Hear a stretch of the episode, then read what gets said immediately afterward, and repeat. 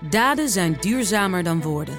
Bij PwC geloven we dat de uitdagingen van de toekomst vragen om een ander perspectief.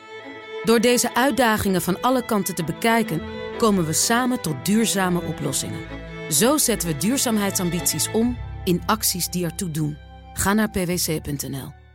De nieuwe wereld is mede mogelijk gemaakt door Economie en Bedrijfskunde van de Universiteit van Amsterdam.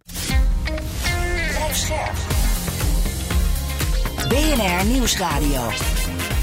De nieuwe wereld. Annette van Soest. De nieuwe wereld begeeft zich deze week weer eens op de woningmarkt. Want hoewel het kabinet de bouw van nieuwe huizen wil versnellen, dreigt er juist een vertraging. Duurdere bouwmaterialen, de oplopende rente en een overvol elektriciteitsnet maken het bouwen van nieuwe huizen steeds moeilijker, zeggen economen van ABN Amro. Er zijn dit jaar minder bouwvergunningen afgegeven dan vorig jaar. En dat de Raad van State een streep heeft gezet door de bouwvrijstelling helpt ook niet mee. Is er niet een andere oplossing voor het tekort aan woningen? Wat als we massaal ons huis gaan delen? Of je nou wil kopen of huren, de nood op de woningmarkt blijft hoog. Onze huizen vaker gaan delen is dus helemaal zo gek nog niet. En delen gebeurt ook al, zegt Peter Boelhouwer, hoogleraar Housing Systems aan de TU Delft. Alleen zijn er geen cijfers van. Nou, ik ken ze niet. Dus misschien zijn ze er wel, maar ik ken ze niet. Die woningdelen kan je natuurlijk op heel veel, heel veel verschillende manieren doen. Het gebeurt, uh, nou ja, als, als, ik bij spreken, als iemand van 25 nog thuis woont en die kan geen woning vinden, is het ook een vorm van woningdelen. Maar dan is het meer genoodzaakt, hè? dan wordt het afgedwongen. Maar er zijn natuurlijk ook allerlei vrijwillige eh, opties om, om dat te, te organiseren. En dat laatste, ja, dat, dat zie je nog niet, eh, nog, nog niet heel veel natuurlijk. Huizen delen komt dus nog niet heel erg van de grond. Waarom doen we het niet vaker? Met name in de sociale huursector uh, zijn natuurlijk allerlei belemmeringen, mag het niet. Als je huurtoeslag hebt, dan word je al direct gekort.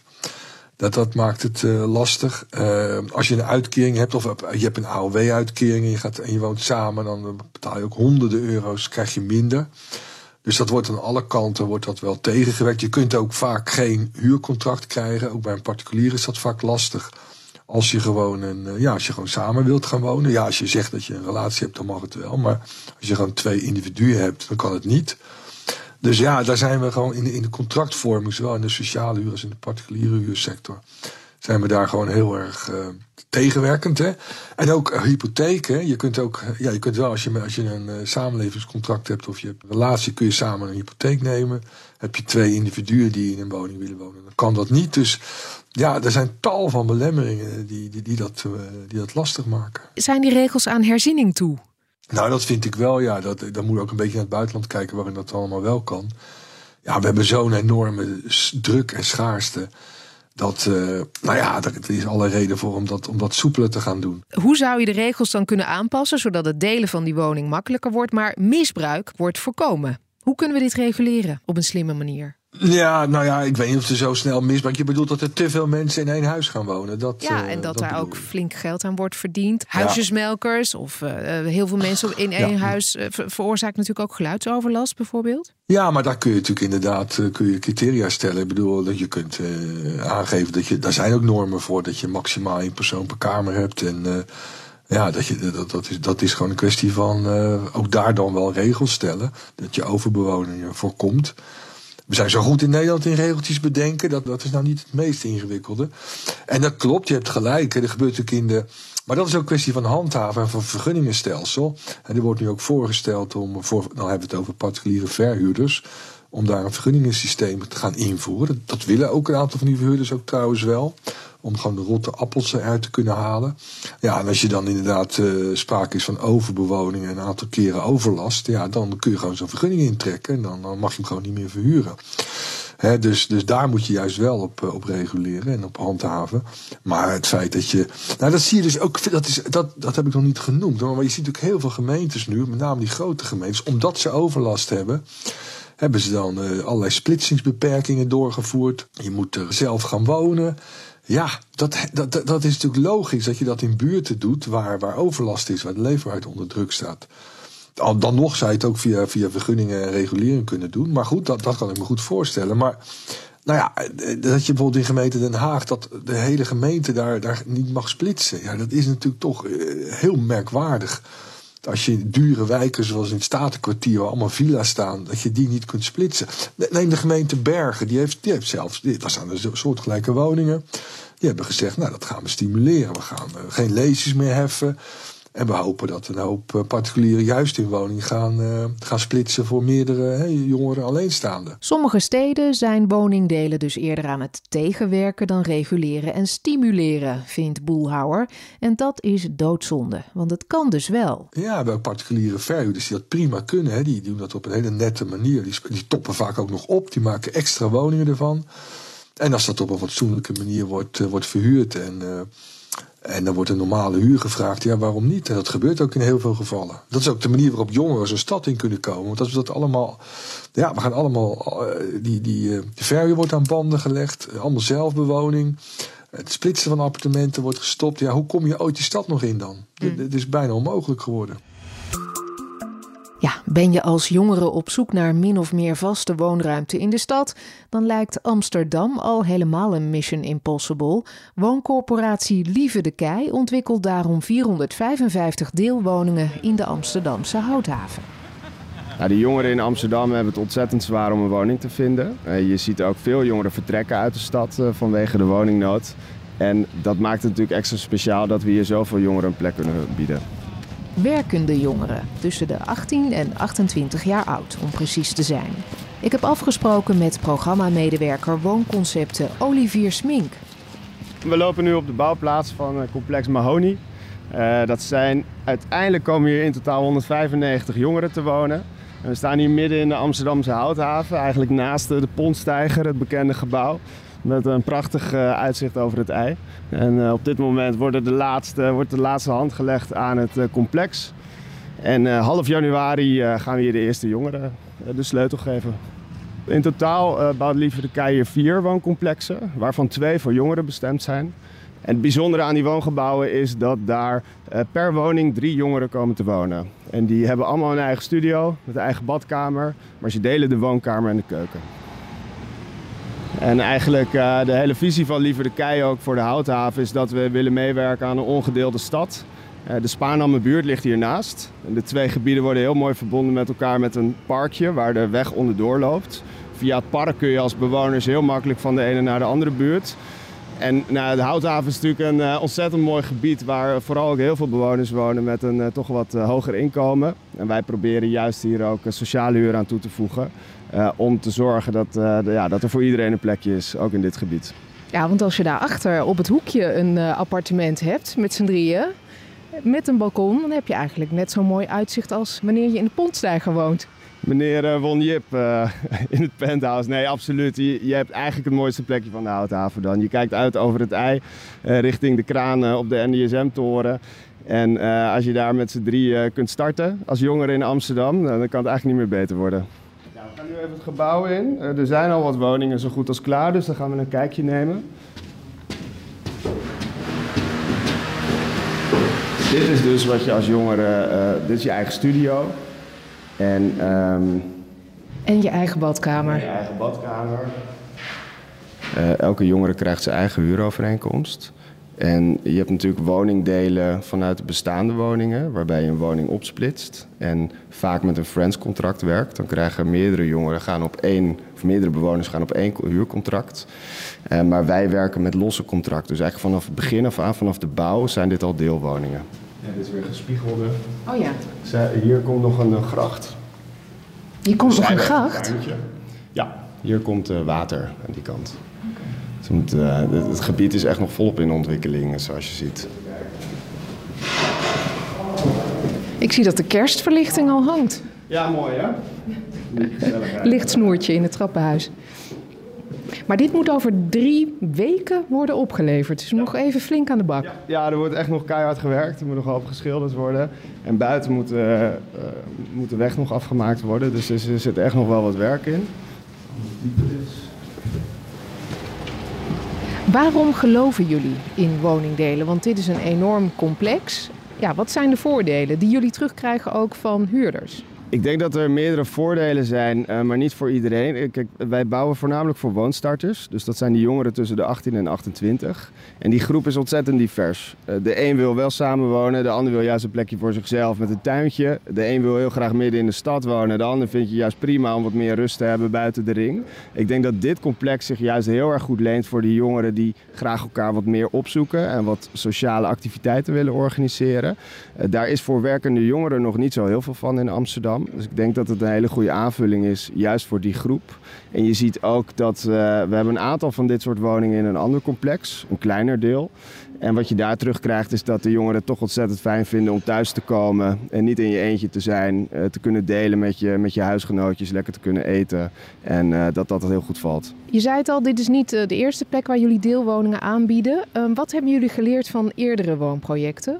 Ja, we zijn ook heel erg lerende in dit concept. Uh, in Complex Lief hebben we teamwoningen waar ook uh, met z'n drieën gedeeld wordt. Daar heb je als bewoner bijvoorbeeld geen eigen badkamer. Daar deel je ook de badkamer. Nou, we kregen terug dat juist uh, de, de, je badkamervoorziening een hele fijn is om voor jezelf te hebben. Nou, dat hebben we hier toegepast.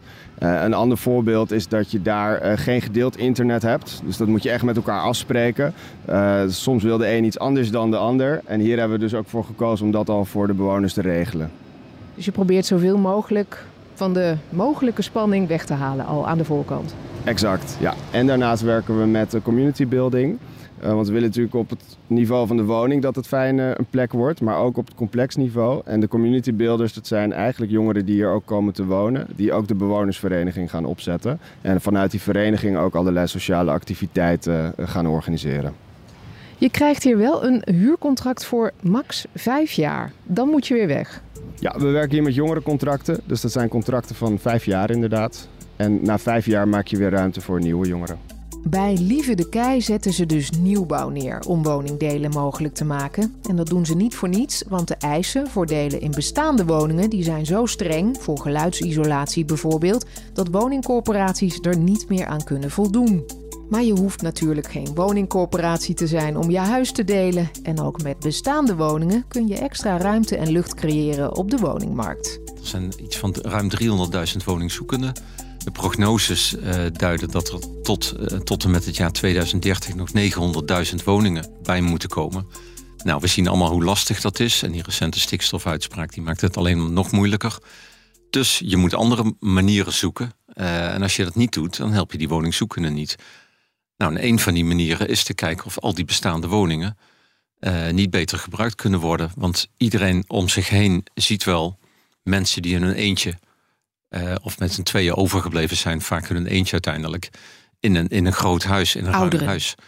Vaak wat ouderen. Uh, meestal gaat het om wat ouderen, maar dat hoeft niet. die er in een eentje in een groot huis wonen.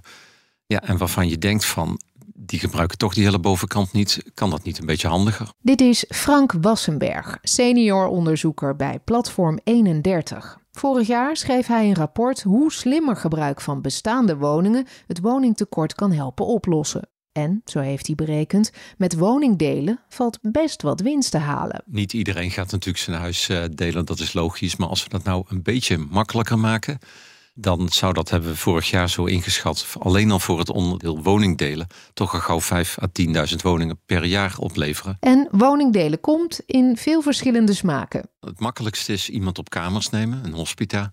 Hoef je eigenlijk weinig te doen, een slotje op de deur misschien, en dat is het. Je kunt als, uh, als eigenaar kun je verder gaan. Je kunt uh, woningen per kamer gaan verhuren. Een woningcorporatie kan dat bijvoorbeeld in plaats van aan één gezin kunnen ze aan, drie of aan vier alleenstaande een huis verhuren. Uh, je kunt dat ook met één gezamenlijk huurcontract doen. Dat is weer een stapje verder. Uh, dus dan is die groep mensen verantwoordelijk voor nieuwe huurders en ook voor de totale huurbetaling. Bij dezelfde corporatie kan dat. Je kunt het ook gaan verbouwen.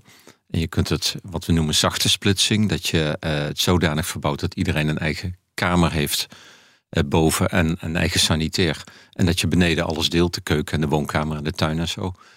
Je kunt nog verder gaan. Je kunt het hele huis verbouwen. Je kunt het uh, bijvoorbeeld in een gezinshuis in drie verdiepingen splitsen, als het zich daar verleent. Uh, dan, dan heb je dus drie aparte woningen creëren. En je kunt het dan ben je niet meer echt aan het delen, toch? Nou, dat, ja, er, je had één huis, zeg een één gezinshuis, een rijtjeshuis. En je eindigt met drie huizen, drie etages. En je zou dat ook nog, uh, je moet het nog steeds bouwkundig splitsen. En wat dan heet uh, splitsen, dat je ze ook eigen huisnummers geeft. En dan wordt het gewoon nummer 7 A, B, C. Precies. Heel veel verschillende manieren dus. Vorig jaar brachten jullie een rapport uit met de titel Beter benutten bestaande woningbouw. Dat gaat ook deels over woningdelen. Wat moet er gebeuren om meer mensen hun huis te laten delen? Nou, je zou heel actief, bijvoorbeeld eigenaren van woningen, eh, woningcorporaties hebben 30% van alle woningen. Die zouden veel makkelijker uh, woningen per kamer kunnen verhuren. Uh, die zouden friendscontracten kunnen aanbieden. Dus uh, meer, meer mensen, meer jongeren vaak samen in één huis wonen. Dan woon je met, als het huis zich er verleent, met drie of vier uh, vrienden, woon je in één huis. Nou, dat zijn er dan drie of vier, in plaats van dat iedereen een eigen huis gezocht wordt. Je zou ook kunnen denken aan, aan er zijn allerlei wetgevingen en die, houden, die, houden, die verhinderen eigenlijk dat je met meer mensen gaat wonen. De kostendelersnorm. Als je samen gaat wonen met iemand die ook een uitkering, als je hebt een uitkering, iemand heeft ook een uitkering en je gaat samenwonen, nou, dan, dan wordt daar flink op gekort. En hetzelfde geldt voor ouderen die bijvoorbeeld willen intrekken bij, laten we zeggen, hun oude zus. Uh, die eigen woning hebben, daar gaat een deel van je AOW gaat eraf. En jullie zeggen, daar zou maatwerk voor moeten komen. Ja, want het, uh, uh, het verhindert met die AOW bijvoorbeeld, het verhindert dat die twee oude mensen bij elkaar wonen in één huis. Dan wordt er wat bespaard op AOW, maar in feite speel je geen huisvrij en anders zou er een huisvrij gespeeld worden. Ook Wassenberg vindt, net als Boelhouwer, dat de regels best wat soepeler mogen. Ja, nee, natuurlijk. En elke regel is op zich terecht. Met die uitkeringen is terecht en met die AOW. Alleen de gevolgen uiten zich op de woningmarkt en die zijn allemaal negatief voor het aantal beschikbare woningen, dus voor het aantal woningzoekenden. Uh, en natuurlijk, gemeenten die zijn ook bang om, om meer huishoudens in woningen te plaatsen. Die zijn meteen bang dat er tien Roemenen of tien studenten in een eengezinshuis komen. En dat, dat wil niemand, dat geeft overlast. Maar je zou kunnen zeggen, moet je nou de hele stad verbieden dat uh, twee of drie huishoudens bij elkaar gaan wonen, jongeren bij elkaar gaan wonen, omdat je bang bent dat er meteen tien mensen komen wonen. En dan zeg ik van nee, je moet die overlast, je moet excessen bestrijden en je moet het niet op voorhand allemaal verbieden. Hoe bestrijd je de excessen? Nou, dan moet je dus goed controleren. Uh, en, en, en zoveel panden zijn dan ook niet waar, waar tien Roemenen of tien, ja, ik noem maar, of tien. Nee, maar handhaving. Stapelbedden. Dus dat is handhaving. Ja, is moeilijk, want personeelstekorten. Ja, maar ja, als je van de andere kant in een willekeurige stad uh, honderden mensen aan een woning helpt, dan kun je dat tegen elkaar afwegen. Goed, Nederlanders zijn gewend om ruim te wonen. Uh, wij uh, leven op gemiddeld veel meer vierkante meter dan onze onmiddellijke buren in Europa. Als het niet hoeft, dan zijn we dus niet zo van het woningdelen. Nou, het is ons ook wel makkelijk gemaakt misschien. Ja, uh, vraag aan iemand, wil je liever een woning van 100 vierkante meter of een van 50? Ja, voor hetzelfde geld, doe die van 100 maar. Maar we zijn misschien ook wel een beetje verwend. Maar het is wel een feit dat in Nederland woont gemiddeld op uh, 53 vierkante meter. Uh, daar circuleerde een getal van 65 vierkante meter. CBS kwam uh, onlangs met een herberekening en die had een foutje gemaakt, zei ze. Maar nog steeds is 53 vierkante meter per persoon in Nederland gemiddeld uiteraard. Is een stuk ruimer dan alle buurlanden, waar dat zo'n beetje uh, rond de 40, 45 vierkante meter ligt. Hoe maken we woningdelen dan aantrekkelijk? Nou, het je uitgangspunt moet eigenlijk zijn: woningdelen moet lonen. Dus iemand die daar ruim woont, laten we zeggen op 100 vierkante meter in zijn eentje, dan moet het voor lonen dat hij iemand in zijn huis neemt. Want hij levert privacy en hij levert. Dus het moet of financieel lonen, dat je er gewoon geld, geld helpt altijd. Of het moet op een andere manier lonen. Ouderen die moeten bijvoorbeeld, uh, die krijgen gezelschap, aanspraak, lichte zorg. Uh, iemand zet bij wijze van spreken de vuilniszakken buiten, dat soort dienstjes. Uh, je hebt een beetje omkijken naar. dat, moet, dat zijn ook dat zijn meer intrinsieke motieven. Maar ook financieel moet het in ieder geval niet tegenwerken. En het liefst moet het ook lonen als je mensen in huis erbij neemt. Ik las dat in Engeland dat je daar wordt beboet als je in je eentje in een groot huis woont. Ja. Dat gaat wel heel erg ver. Ja, je kunt, eh, kijk, je kunt eh, mensen die in een ruime huis, je kunt ze verleiden, zeg maar, om iemand in huis te nemen en aantrekkelijk maken. Daar zijn we in Nederland wat meer van. Engeland, die, die, die, eh, ja, die is wat meer van het boeten. Daar krijg je, als je een sociale huurwoning huurt bij een woningcorporatie, en je woont te ruim, je hebt in je eentje vier kamers bijvoorbeeld, dan betaal je een, een bedroom tax. Betaal je dus eigenlijk een, een extra boete voor per het ruim wonen. extra slaapkamer? Ja, per, als jij vijf slaapkamers hebt, betaal je nog meer dan als je er vier hebt of drie. Ben je daar voorstander van? Zouden we dat in Nederland ook moeten invoeren? Nou, ja, ik vind het een beetje vanuit de negatieve kant geredeneerd. Nee, ik zou dat toch uh, liever niet zien. Je zou eigenlijk iemand die ergens alleen woont, gewoon sowieso niet een uh, vijfkamer appartement moeten gunnen, toch? Nee, dat Sociale lijkt me om te beginnen. Nou, dat is nog wel een ander probleem. Want je ziet in een heleboel gemeenten, een beetje alles buiten de wat grotere steden. Daar is de laatste 40, 50 jaar, zeg maar, zijn voornamelijk gezinswoningen, eengezinswoningen gebouwd. En dan hebben we het ook over kleinere steden, niet alleen over dorpen. Er zijn vooral eengezinswoningen gebouwd. Terwijl als je in de huursector kijkt, want daar hebben we het vooral over, wie er op de wachtlijsten staan in diezelfde gemeente, dat zijn bijna alleen maar jongeren en alleenstaanden. Dus daar, daar, krijg je, uh, daar krijg je een situatie dat, dat de woningvoorraad bestaat voor twee derde uit, uit huurwoningen, uit eengezinswoningen, rijtjeswoningen. En de wachtlijst zijn voor twee derde alleenstaanden. Ja, woningdelen dus. Dus dan is woningdelen eigenlijk een heel van de hand liggende optie. Want anders, ja, een beetje negatief gezegd, moet zo'n woningeigenaar, zo'n corporatie, die moet van armoede, moet hij maar zijn grote ruime huis aan de bovenste alleenstaande van de wachtlijst gaan, gaan geven. Ja, dat is eigenlijk niet iets wat we zouden willen. Woningdelen. Het moet lonen en het moet makkelijker. Tot zover de nieuwe wereld. Volgende week dinsdag zijn we er weer. En dan kijken we naar de voltijdsbonus. Helpt die nou echt om personeelstekorten op te lossen? Je hoort het dinsdag om drie uur. De nieuwe wereld is mede mogelijk gemaakt door Economie en Bedrijfskunde van de Universiteit van Amsterdam. Daden zijn duurzamer dan woorden. Bij PwC geloven we dat de uitdagingen van de toekomst vragen om een ander perspectief. Door deze uitdagingen van alle kanten te bekijken, komen we samen tot duurzame oplossingen. Zo zetten we duurzaamheidsambities om in acties die ertoe doen. Ga naar pwc.nl.